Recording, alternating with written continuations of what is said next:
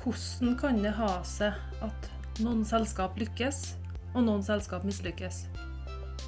Hvordan kan man snu en katastrofebedrift til å bli et selskap i verdensklasse på både dyrevelferd, miljø og bærekraft? Og hvordan leder man egentlig gjennom en sånn stor omstilling?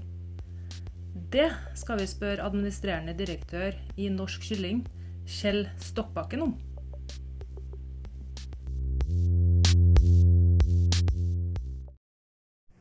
Velkommen eh, hit til podkasten Inspirert, Kjell Stokkbakken. Tusen takk for det. Kjempeartig du hadde lyst til å være gjest med her i dag. Um, jeg har jo jobba her på Norsk Kylling sjøl i noen år for noen år tilbake. Og har jo liksom fulgt denne ferden deres eh, fra den lille fabrikken på Støren til det store, flotte anlegget her. Så det er jo kjempeartig. Kjell, eh, du er jo administrerende direktør for Norsk Kylling. Ja, det er riktig. Og det har du vært i noen år nå? Ja, jeg er på det sjuende året nå, faktisk. Tida går jo veldig fort, da. Mm. Norsk Kylling er vel heleid av eh, Rema Industrier? Ja, det er riktig. Mm. Mm. Eh, Men livet ditt, Kjell, starta jo ikke her. Hvis ikke jeg tar helt feil, så har jeg hørt rykter om at det starta på en sjokoladefabrikk.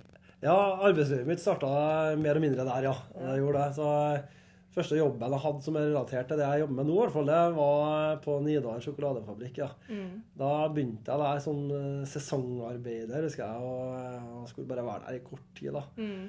Um, eh, og jobba i en sesong, og så fant jeg ut at det var veldig greit med den der inntekta, så jeg hadde lyst til å, jobbe litt lenger. da, Så jeg søkte om å få en sesong til, men det fikk jeg ikke. Mm. Så da måtte jeg gå ut, og så hadde jeg noen sånne strøjobber imellom, og så kom jeg tilbake igjen til neste sesong. Da eller sånn, Ja, ikke sant? ja.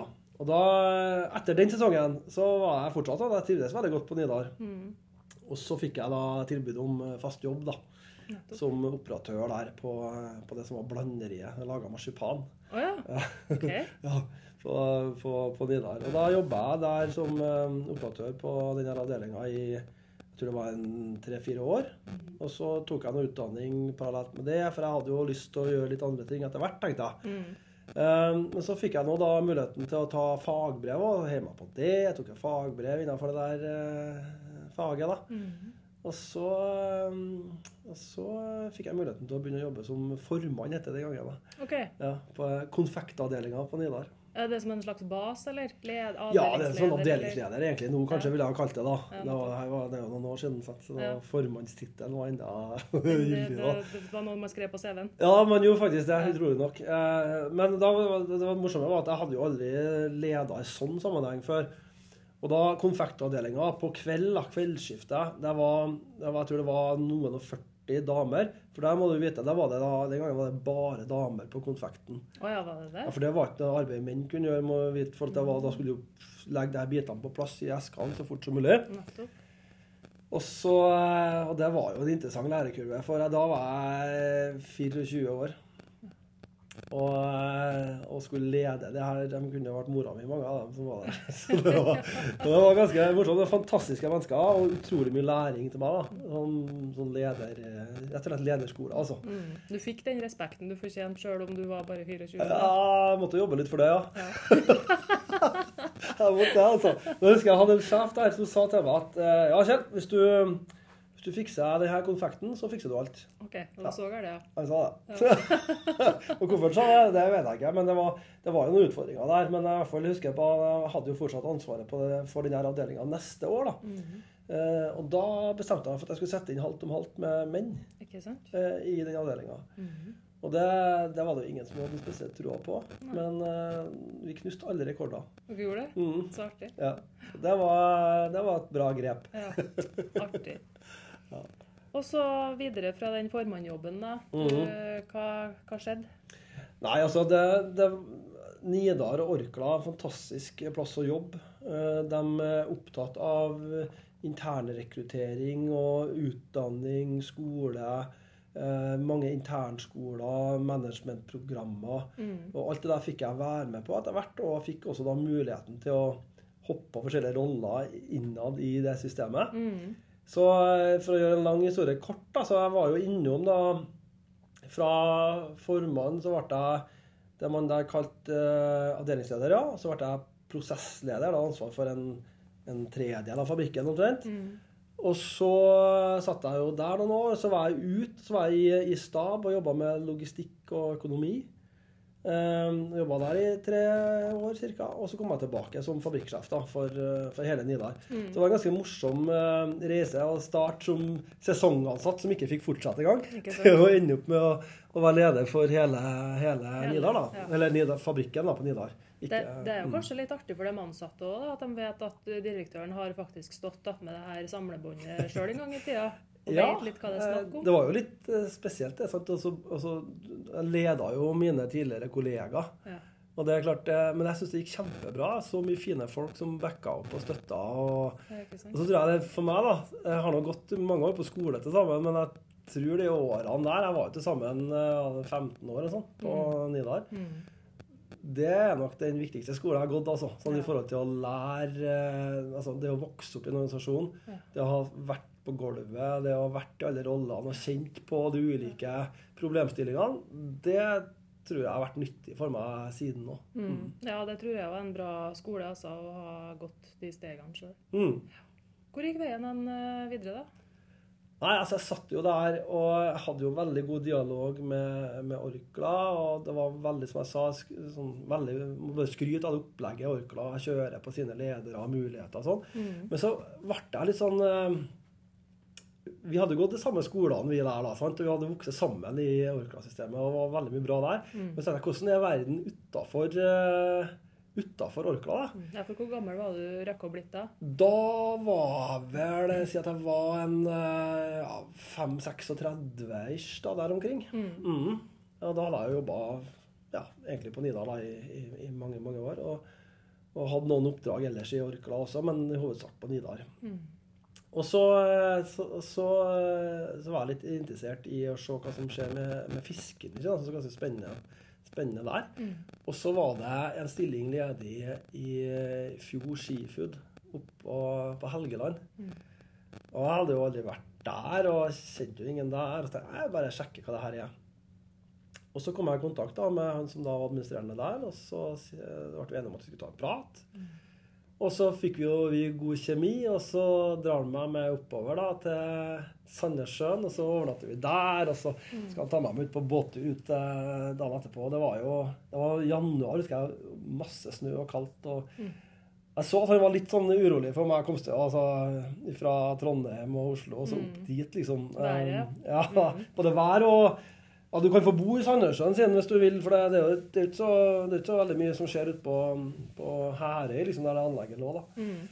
Men så sto jeg opp husker jeg, oppe i 50 på morgenen der eh, i Sandnessjøen, og så tenkte jeg jeg skulle gå meg en liten tur og se i byen der, da.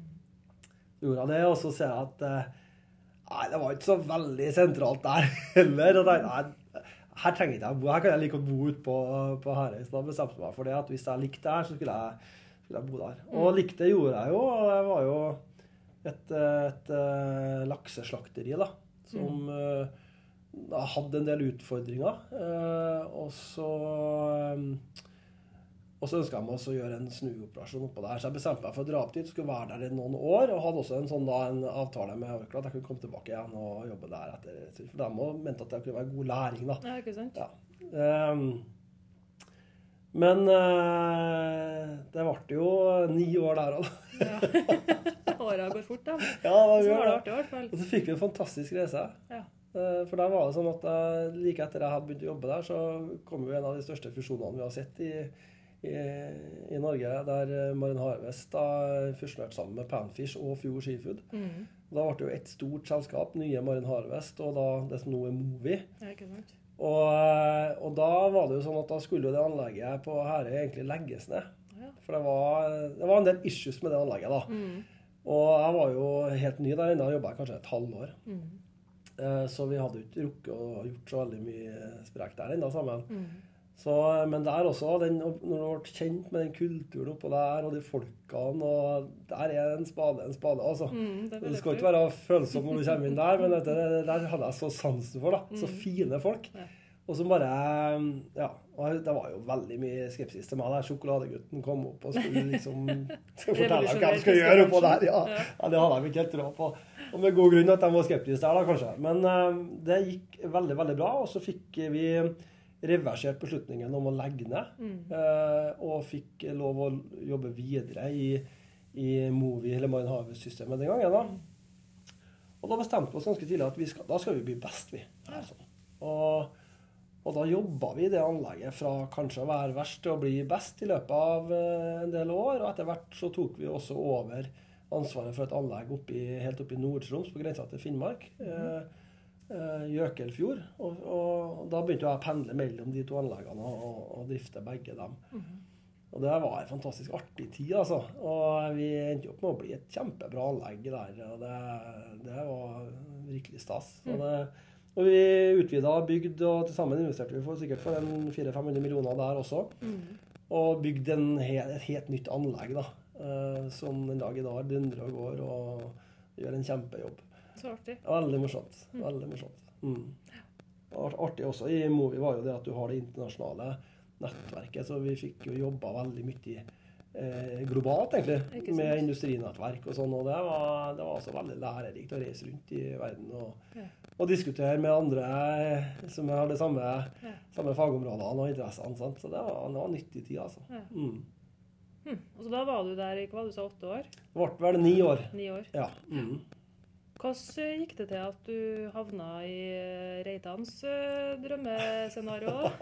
Ja, nei, det var jo det var litt artig. for Jeg, jeg, jeg, satt nå faktisk oppå her der da en dag, og så ringer telefonen, ukjent nummer. og så ja, Da var det et sånn rekrutteringsbyrå da, fra Oslo som ringte og lurte på om jeg kunne eh, tenke meg å ta en prat. Og så sa jeg nei, det var jeg egentlig ikke så interessert i. for jeg, Da hadde jeg så mye spennende oppgaver der. eh, Ja, eh, men eh, så ble det noe sånn at vi tok en prat, da. Mm. Og så fikk ikke jeg vite hvilket selskap det gjaldt, og sånn, så det var litt sånn hemmelighetsskremmeri først. Og så var det to samtaler, Mm. to eller tre, jeg husker ikke helt. Og så satt de igjen med at de ønska å ta meg videre da, hvis jeg var interessert. Mm.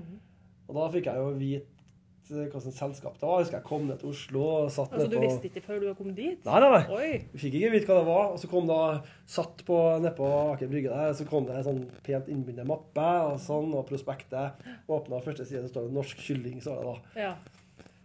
Og da lukker jeg boka, så sier jeg takk, men nei takk. Jeg må være så ærlig å si at sånn var reaksjonen min. Ikke sant? Fordi at Ja, jeg kjente jo Norsk Kylling og sånn fra jeg jobba i Trondheim da, før jeg reiste nordover. Mm. Og må innrømme at jeg hadde ikke hørt så veldig mye bra Nei. om Norsk Kylling. Så jeg var ikke så interessert i det. Så hadde jeg det så bra der jeg var, at jeg tenkte det, det kan noen andre gjøre. Mm. Tok du som en tur isteden? Ja. Og så bare Ja. men så Jeg måtte ta et møte med, med, med RI, da, Rema Industrier, og, øh, og han som var styreleder i Norsk Kylling den gangen. da. Ja, for jeg var nå på farten likevel, så det var nå greit å bare ta et møte. Og så gikk nå det greit, men jeg endra ikke endra ikke slutning, da. Nei. Og så ringer de igjen og så sier at eh, da var jeg, var jeg på, på tur i Nord-Norge. Så sier de at Ole Robert er i Tromsø da og da. Er du i nærheten da? Mm. Så jeg, ja, jeg er faktisk i Tromsø. Eh, Jeg er her nå. Jeg skal være her hele uka.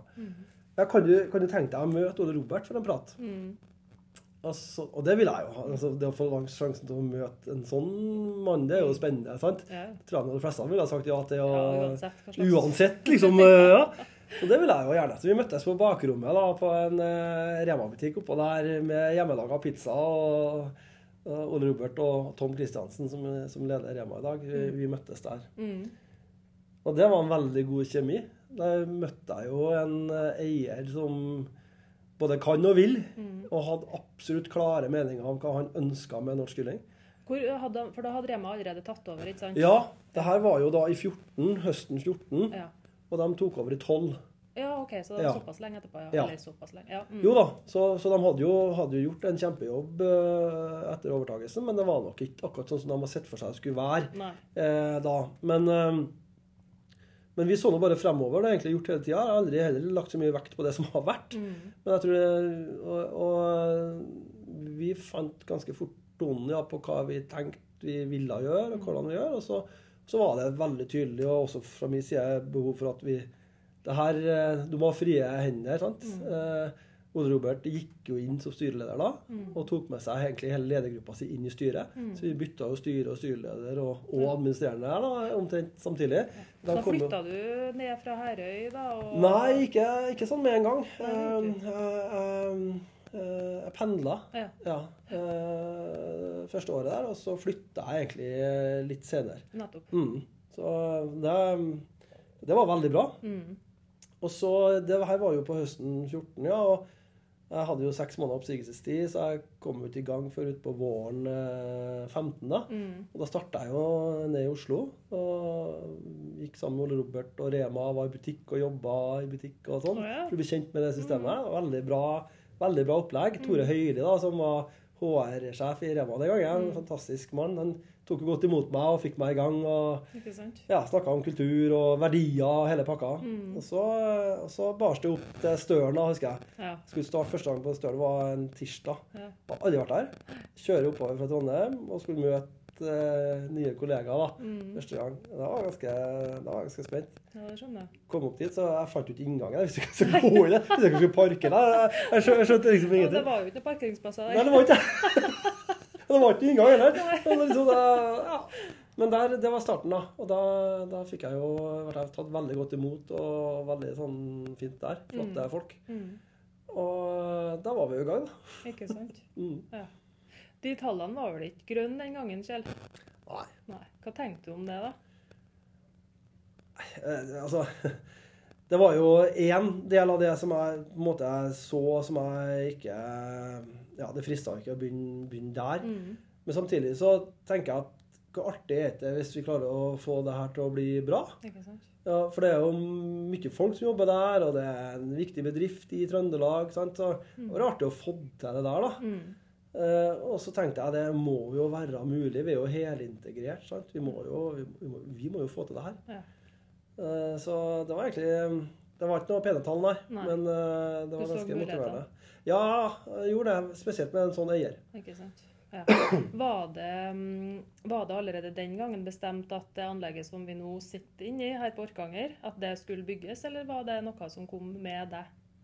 Det var ikke bestemt, nei. Nei. Eh, Det var snakka om ny fabrikk, hadde vært gjort i mange år, tror jeg. Mm. Men det var overhodet ikke tilfellet. Vi, vi hadde jo såpass krevende tall Ja. og såpass krevende økonomisk situasjon at det var i nærheten av mulig å snakke om noe sånt. Nei.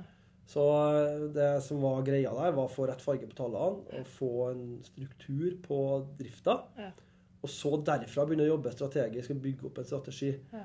Eh, Så det var, det var rekkefølgen. Så 15 var ene og alene fokus på å få rett farge på tall, få rydda opp i en del ting som ikke var greit. Mm. Um, og så henger jo det sammen. Ja. Sant? Um, hvis på veggene mine så står det på en måte ordentlighet og ansvar. Mm. Og det var liksom noen, og det har vært mitt mantra hele tida. Få det her på stell. Ja. Gjør det ordentlig.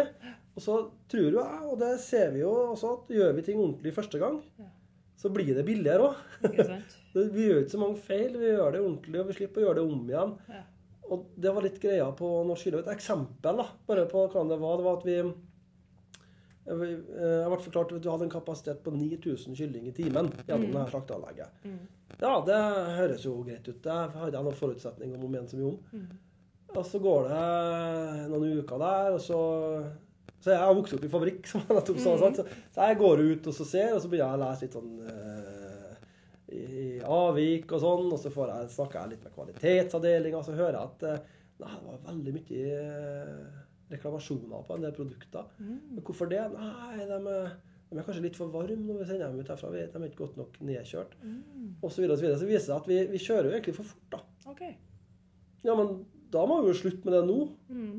Ja, sant? Ja, OK, fint. Det, det, det vi gjør vi gjerne. Liksom, Folk på fabrikken vil jo det. Ikke sant?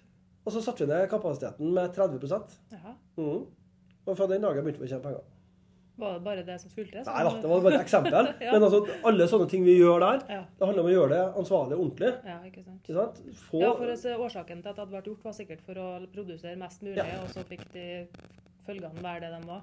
Ja, litt sånn i beste mening. Jeg tror ikke man tenker Nei. sånn, men jeg tror resultatet blir jo litt fort sånn da, Ja. at prestasjonen sier mest mulig, fortest mulig. Ja. Men av og til så er det kanskje lurere å gjøre det best mulig, Mm. fortest mulig. Ja, klart. Ikke sant? Og da blir det en litt annen eh, innretning på det. Ja. Og um, vi kom akkurat i pluss i 15 eh, da. Det første året. Ja, første året. Så det var jo bra. Da har du grunnlaget for å begynne å jobbe litt mer strategisk. Ja. Og det gjorde vi allerede da fra Ja. Egentlig allerede på høsten eller siste kvartal 15. Så begynte vi å snakke, snakke strategi. Ja. Ole Robert er jo veldig, veldig god som styreformann der. Sånn, på en måte, vi skulle vi lage et forslag. da, Vi skal bli Norges beste, osv. Så, videre, og så, Mm. så sier han ah, vi må da bli verdens beste hvis vi skal bli noe. liksom. Ja. Mm. Så det ble jo visjonen vår. Verdens beste næringsmiddelverdikjede. Ja. Og det har vært så bra for oss. Det var litt flaut å stå og si det første gangene på noen presentasjoner og sånn. Var litt sånn indre bannskap.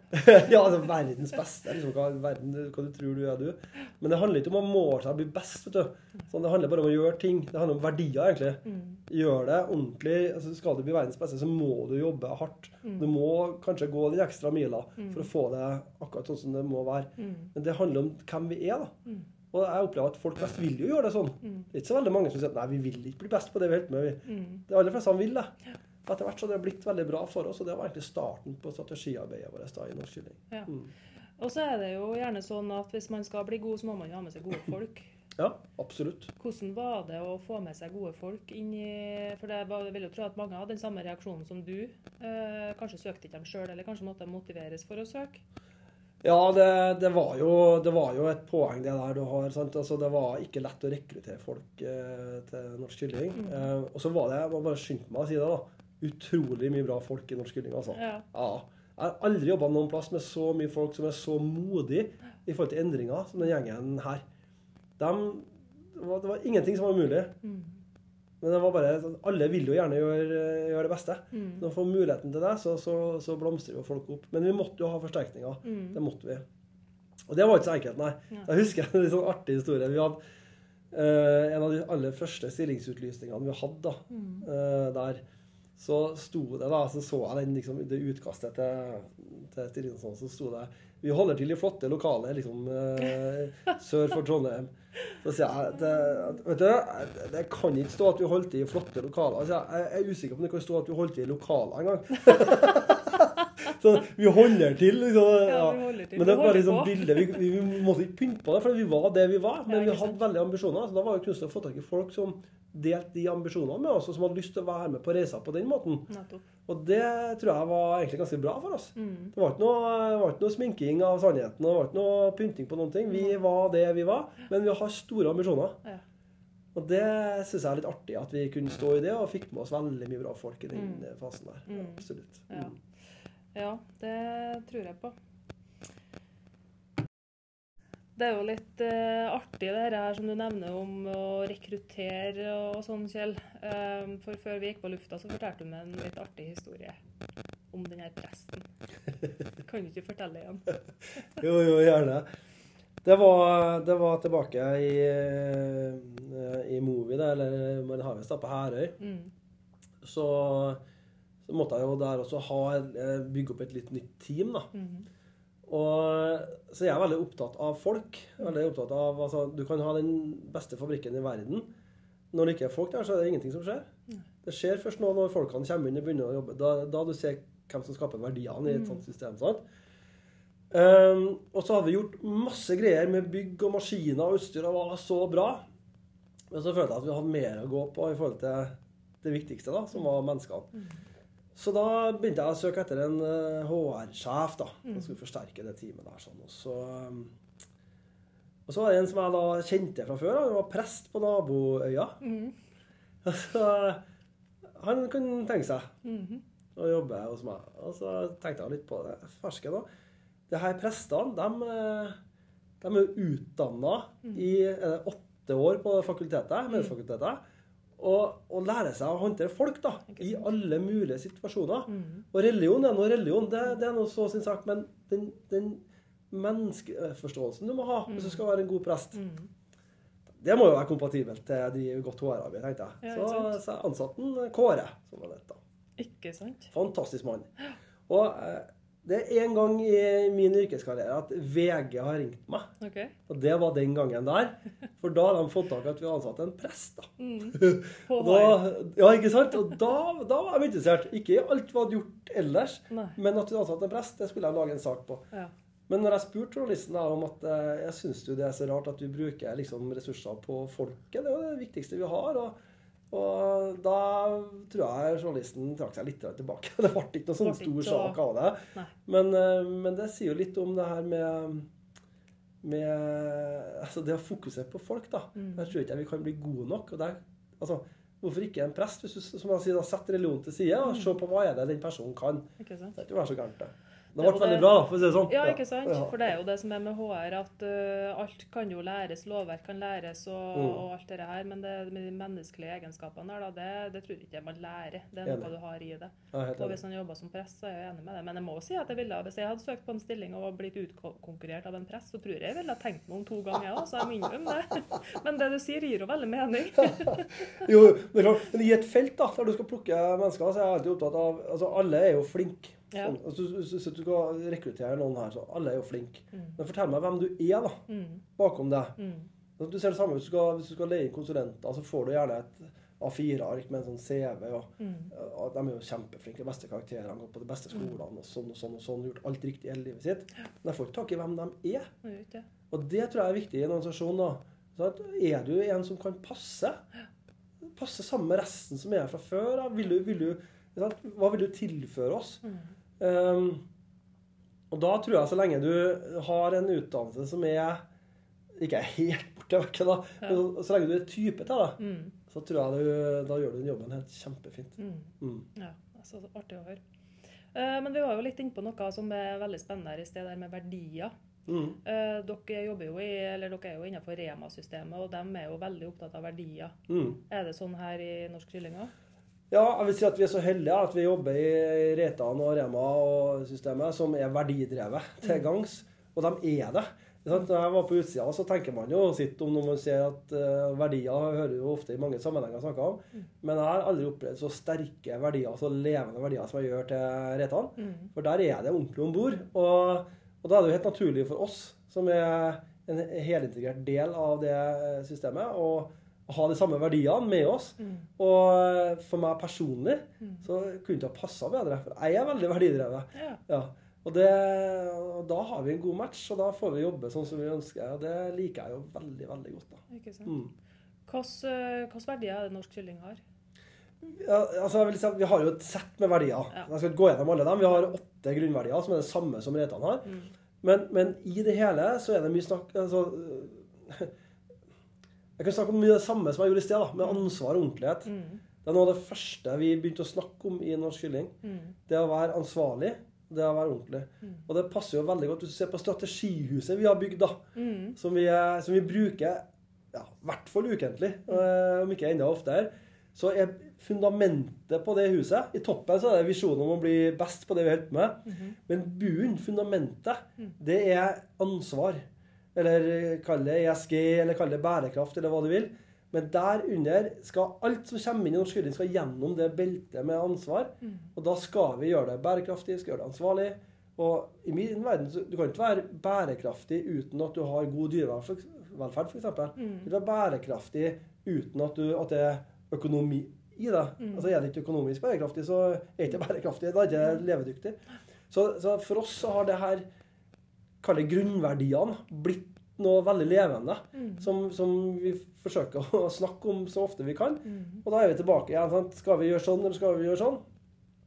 Nei, vi skal bli best, da. Mm. Da må vi gjøre det sånn. Mm. Det er kanskje litt dyrere, det er kanskje litt lengre tid, Mm. men så blir det bra til slutt. Ikke sant? Ja. Det tror jeg vil jeg dra frem som sånn grunnverdi, da. Ja. Men så har vi alle verdisettene ellers som hjelper oss og guider oss veldig godt i hverdagen. da, Ja. På store og små valg. Mm. Spennende. Enn eh, hvis en kan spørre litt om eh, dine, for du sier jo at verdier er veldig viktig for deg. da. Mm. Hva hvis du skal dra frem de to-tre viktigste av dine personlige verdier? Ja, det er veldig lett for meg, for det er akkurat det samme. Ja. Og det tror jeg for min del er helt avgjørende, Tanja, For at hvis ikke, hvis ikke jeg har ansvar og ordentlighet Mm.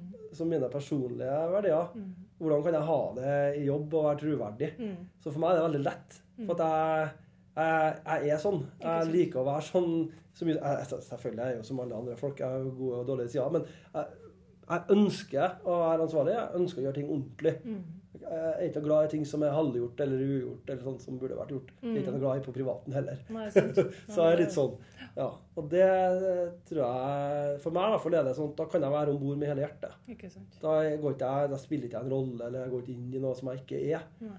Eh, Det tror jeg er viktig, i hvert fall viktig for meg, da. I min måte jeg utøver ledelse på. Mm. Mm.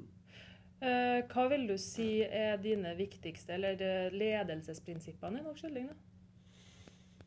Ja, frista til å si det samme der, men Ja. jeg tror eh, eh, Der kan man jo aldri bli god nok, men jeg tror det her med altså det å se folk, det å integrere folk, det at vi, at vi, mm, at vi beveger oss sammen mot målet Og så syns jeg det har vært ekstremt vanskelig da, de siste to årene nå, med denne situasjonen vi har vært i med Mm. pandemien. Sant?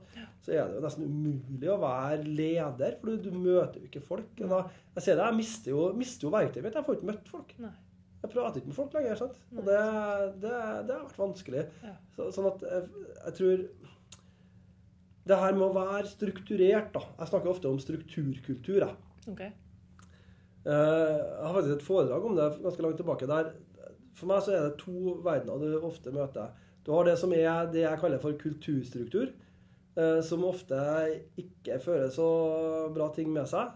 Eh, Der, du, der kulturen styrer strukturen din, og det betyr ofte manglende struktur, dårlig struktur, Mm. eh, uformelle linjer, ledelse osv. Og så har du det jeg kaller for strukturkultur. Mm. Som der du setter opp en struktur, en måte å jobbe på. Sånn gjør vi det hos oss. Mm. Da skaper du en kultur ut av den strukturen. Ikke sant? Det har jeg tro på. Så eh, for alle ledere her så er man nødt til å forholde seg til en struktur. Mm. Sånn jobber vi her. Sånn rapporterer vi. Sånn møtes vi. Sånn skal møtene gjennomføres, osv. Og, så og det på alle nivå er målet. Og så er vi, vi er overhodet ikke i mål, men det er måten vi jobber på. Og når vi kommer helt fram der, så får vi en helt omforent sånn kultur rundt akkurat den samme strukturen. Mm. Det er viktig for meg. Mm. Mm. Spennende. Hva vil du si at du er mest stolt av å ha fått til med norsk kylling? da? Med norsk kylling Det er tre ting jeg har lyst til å, å, å, å skryte litt av. da. Mm. Og det er jo altså Den organisasjonen som er her, som først var med på den snuoperasjonen, Mm. det var ganske hard kost for mange. Ja, det tror jeg på. Mm. Eh, helt imponerende. Jeg har jobba med flere sånne snuoperasjoner. Mm. Men jeg har aldri møtt noen som har vært så modig Mm. som den gjengen her, og som er så ja, flotte folk. altså. Mm. Og så differensieringa på kyllingrase. At du bytta kyllingrase i 2018. Ja.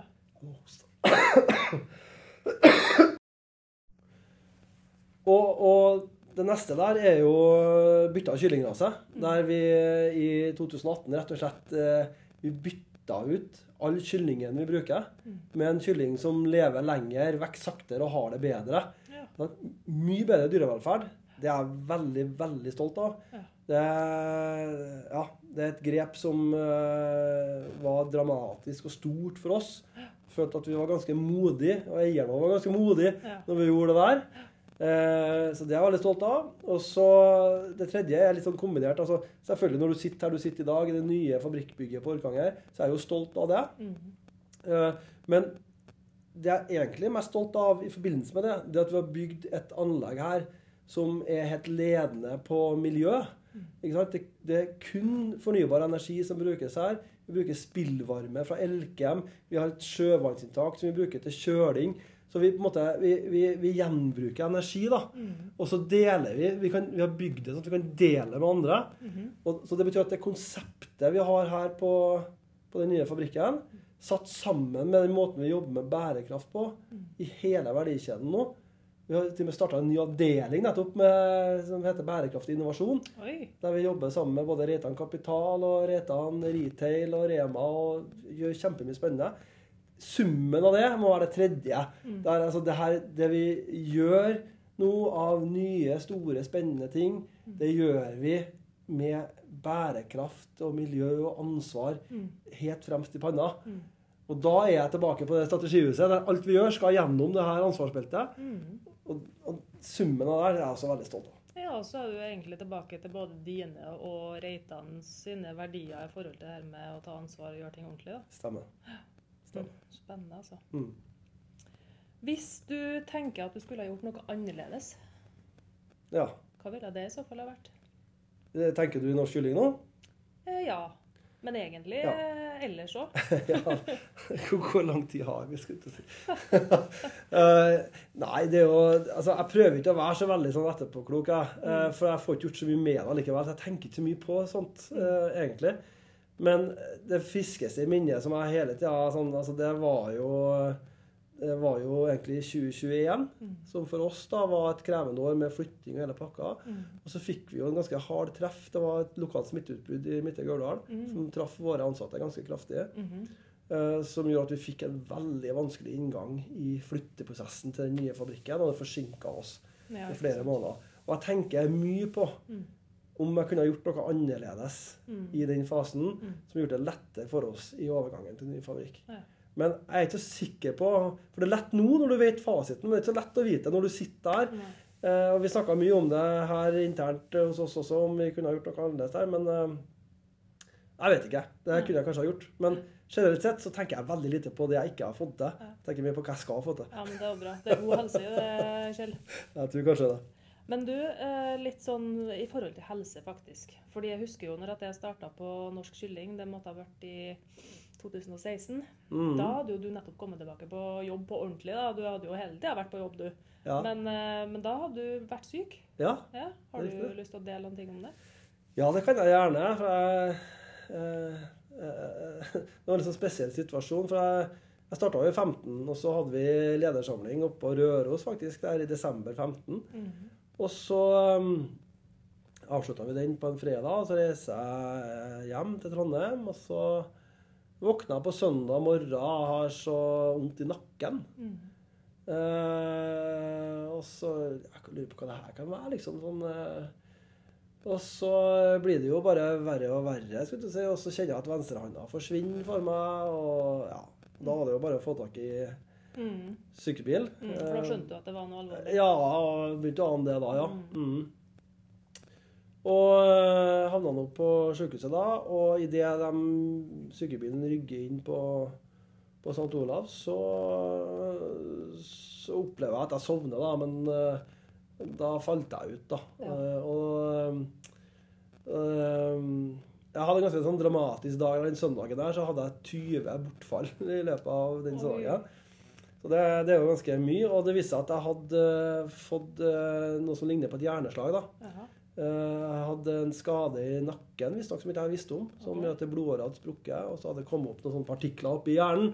Bla, bla, bla. Og så hadde det sperra for et område, og så får man manglende blodtilførsel til en del av hjernen. Så det er akkurat samme symptomene som et hjerneslag, men det er ikke et vanlig hjerneslag. da, for å si det sånn. Men eh, Så da var jeg faktisk, eh, ifølge eh, legen der på St. Olavs, så var jeg fem minutter unna å dø. Hadde jeg bodd et annet sted eller ikke fått hjelp så fort, så hadde jeg vært der i dag. Så det var jo ganske nært på. Var du i Trøndelag, eller var du på Herøy? da? Da var jeg faktisk i Trondheim. Det var bra. Ja. Så hadde jeg bodd i Trondheim nå, så hadde jeg vært her nå. Nei, ikke Så det er jo litt sånn tilfeldigheter. Ja. Ja, så, så der snudde jo og Da var jo midt i oppkjøringa på strategien og alt på jobb, og det var jo så spennende alt. ikke sant? Ja, ja, ja. Passa jo fryktelig dårlig. ja, klart det. Ja.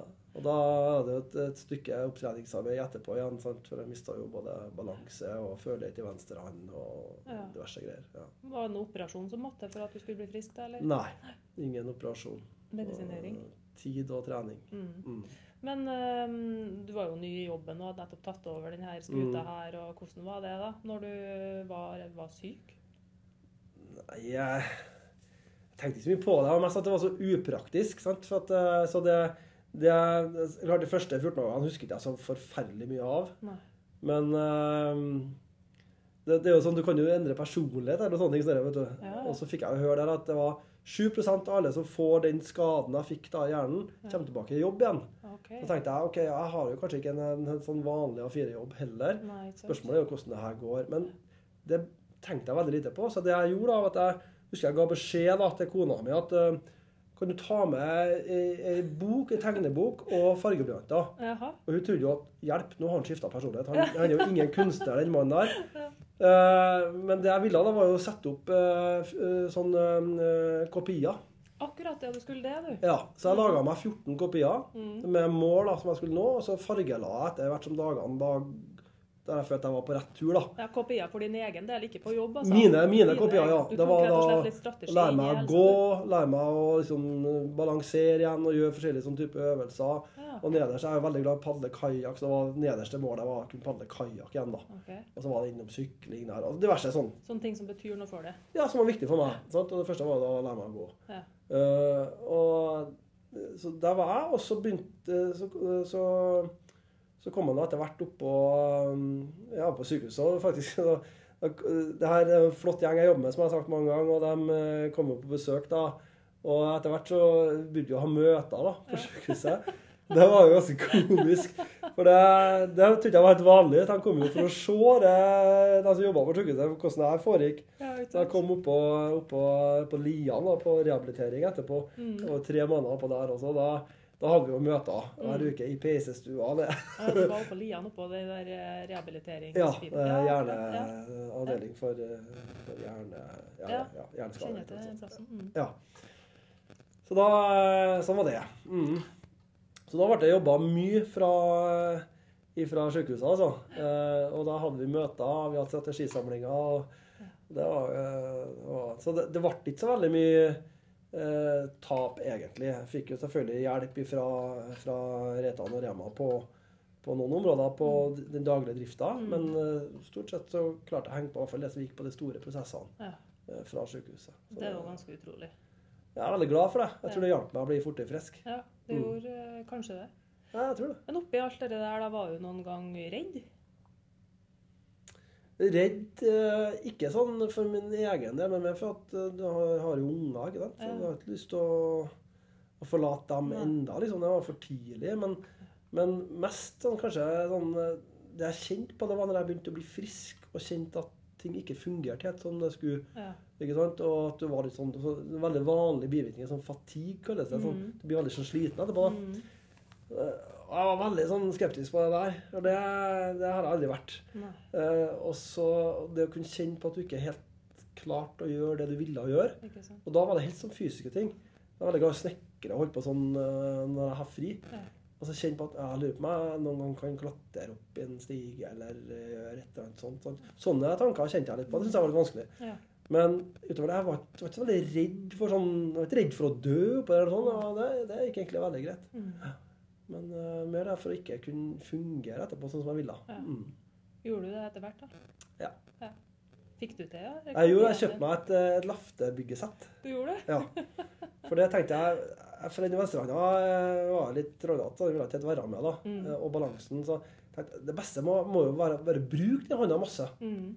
Og da å prøve å bygge et hus, da. Et sånn lite sånn bu, da. Mm.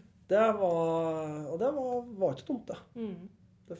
Det tror jeg hjalp meg litt å ha sånne prosjekter. da. Mm. Mm. Artig.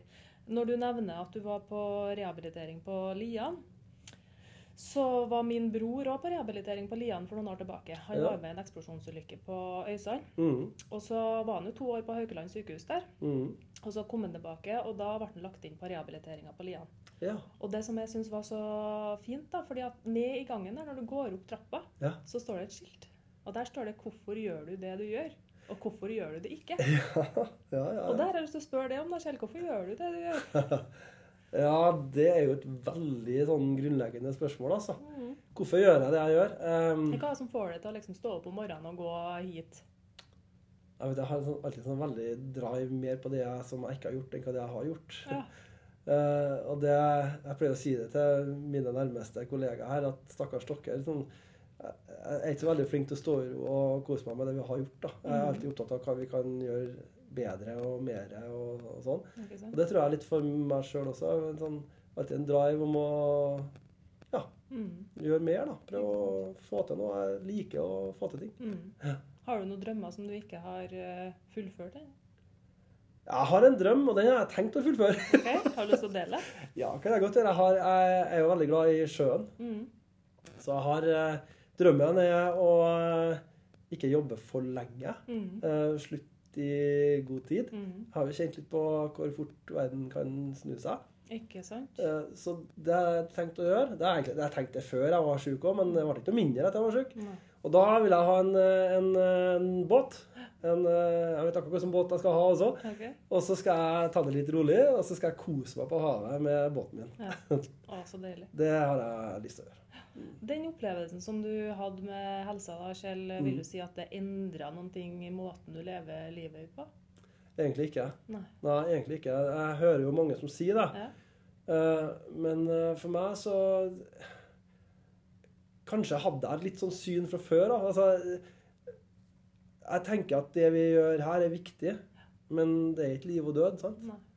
Det har jeg tenkt før jeg var sjuk også. så jeg har ikke liksom, jeg tror, jeg tror ikke at eh, jeg tror ikke det har prega meg så veldig, nei. Nei. Eh, Nei, og så er Forsterka, kanskje.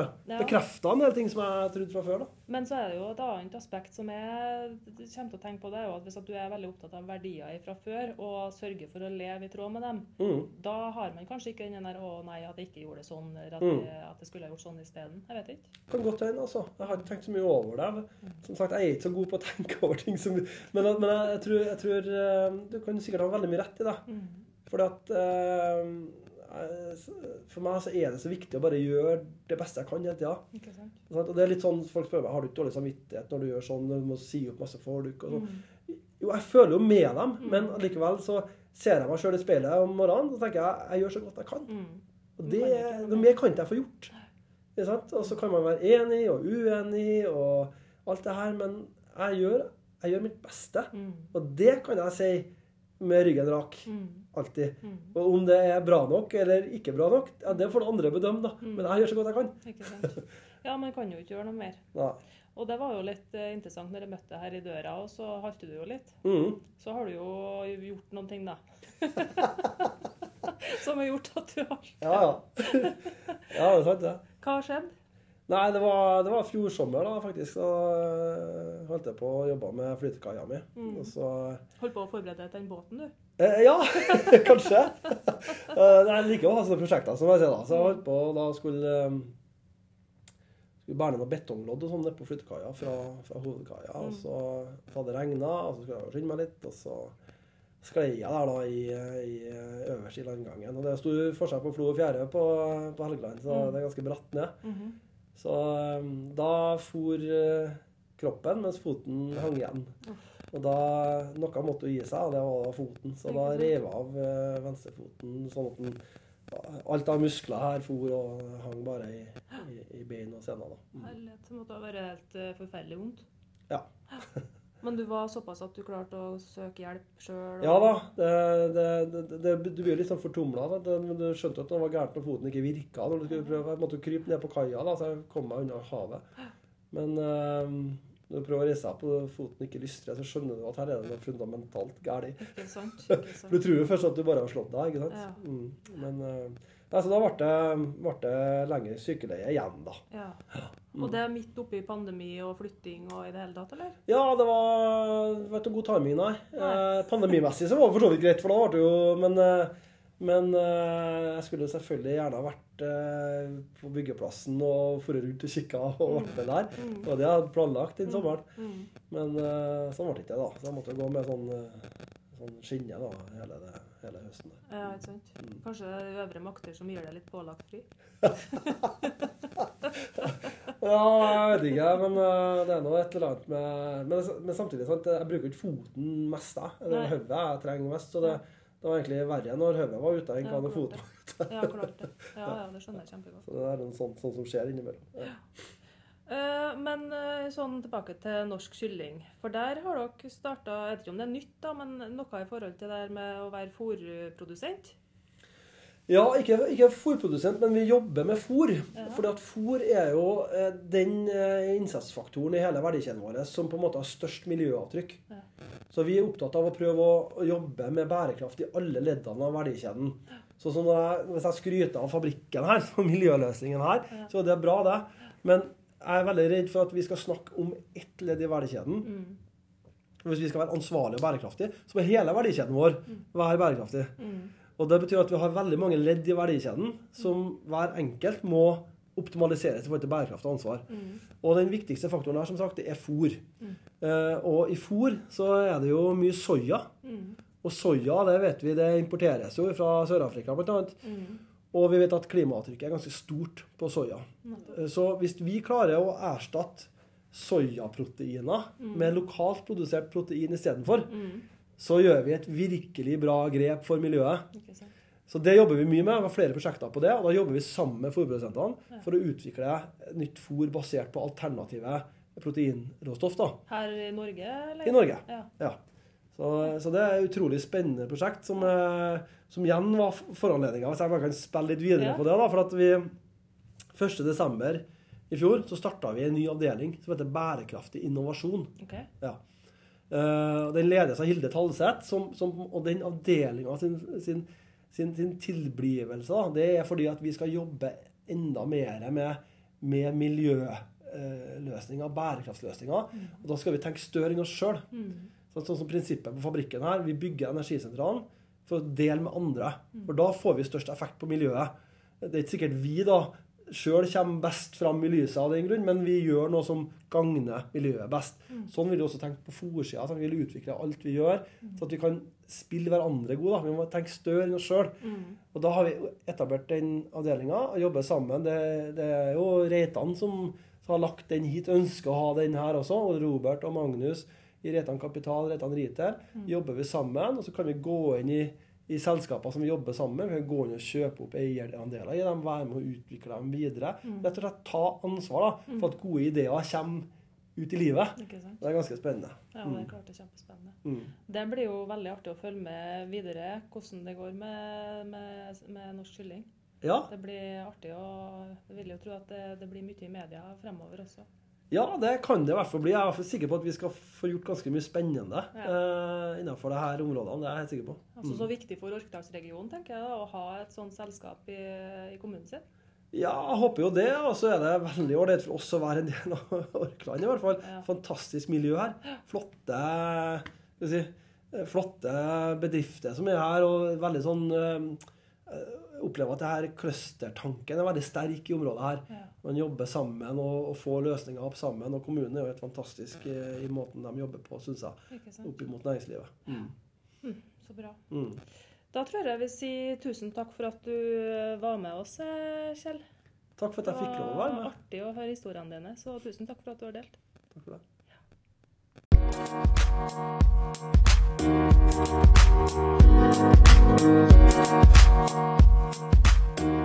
back.